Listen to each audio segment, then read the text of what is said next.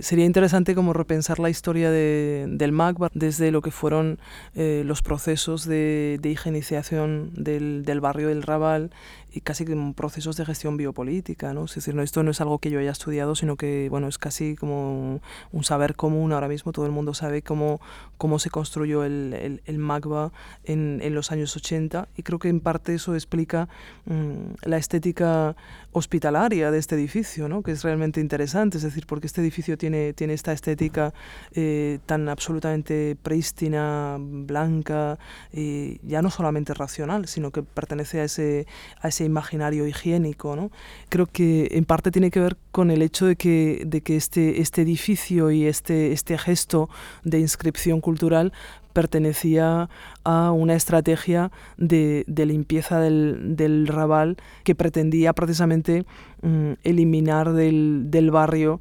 aquellas formas de subjetivación que excedían las formas de gestión biopolítica tradicionales, que tenía que ver con los usuarios de drogas, las prostitutas, los homosexuales, la inmigración. Lo que me parece absolutamente fascinante es que por una parte, no sé si desde el principio con la llegada de Manolo Borja y después con Bartomeu Marí, por una parte el museo se ha convertido como en el lugar central de producción de discurso, bueno, no voy a decir central, sería un poco exagerado, ¿no? pero en uno de los lugares de la ciudad de producción de discurso más radical en torno precisamente a, a la crítica de, de esos vectores de normalización biopolítica y que por otra parte además esa estrategia eh, fue absolutamente fallida y que, que ahora mismo casi el, el, el, Raval, bueno, pues es el Raval Kistán y además está, es, es absolutamente un, un, un, hervidero farmacopornográfico, por decirlo de algún modo, ¿no? Así que eh, a mí eso siempre me parece apasionante, ¿no? De cuando uno viene a este museo, de um, entender esa, esa, esa, um, esa, historia biopolítica y el fracaso de esa historia y por tanto creo la, las, las estrategias de resistencia que el barrio ha desplegado para reabsorber el, museo. ¿no? Yo en mis, en mis sueños más, más psicodélicos, yo imagino, porque a veces, claro, cuando hablo con, con Bartomeu Marí, con el director o con, otras personas del, museo que evidentemente sufren de la, bueno, pues del, de la falta de, medios económicos ahora mismo para, seguir activando el museo, yo a veces pienso, bueno, pero dejemos un, piso entero del museo vacío y organicemos aquí simplemente lugares de, de, debate, de producción de discurso, de producción de conocimiento de precisamente aquellas personas a las que les debería pertenecer este museo. ¿no? Es decir, escenifiquemos en este museo lo que podríamos llamar la muerte de la clínica, ya, que este museo tiene esta estética tan eh, hospitalaria y hagamos en, este museo debates, debates sobre la inmigración, sobre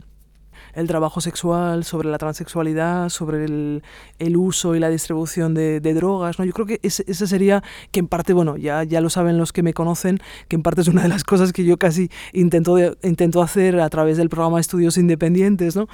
pero bueno, que, que, yo creo que en algún momento podría casi como tomar la totalidad del, del museo y, y escenificar un poco ya no solamente la quiebra del estado del bienestar, qué diablos, ¿no? Es que con la quiebra del estado del bienestar también hay una, un momento de posibilidad, por eso yo tengo esta visión un tanto, un tanto utópica también de ese momento, que es, bueno, escenificar la, la muerte de las instituciones disciplinarias, ¿no? Y, en dónde, y, y cómo vamos a transformar esas, esas instituciones. Hace, hace años... Eh,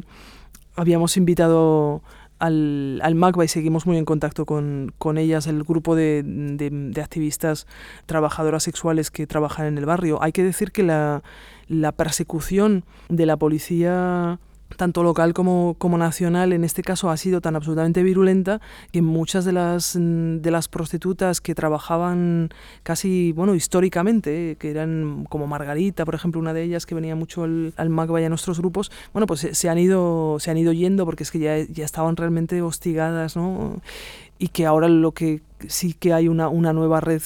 de inmigración y de prostitución relativamente reciente, ¿no? que en parte también permitiría eh, quizá estudiar las nuevas formas de, de gestión de Barcelona como ciudad turística, porque esa es la, gran contradicción, es que evidentemente también el, el Raval es un foco de, turismo sexual, es decir, como hablábamos antes del turismo reproductivo por las clínicas de, de Sarriá, bueno, pues podríamos decir que también hay un foco de, de turismo farmacopornográfico específicamente sexual en torno al magba, ¿no? que a lo mejor mm, esa, eso que llamamos tradicionalmente la, con Negri, eh, con, con Har y con Lazarato, la producción inmaterial,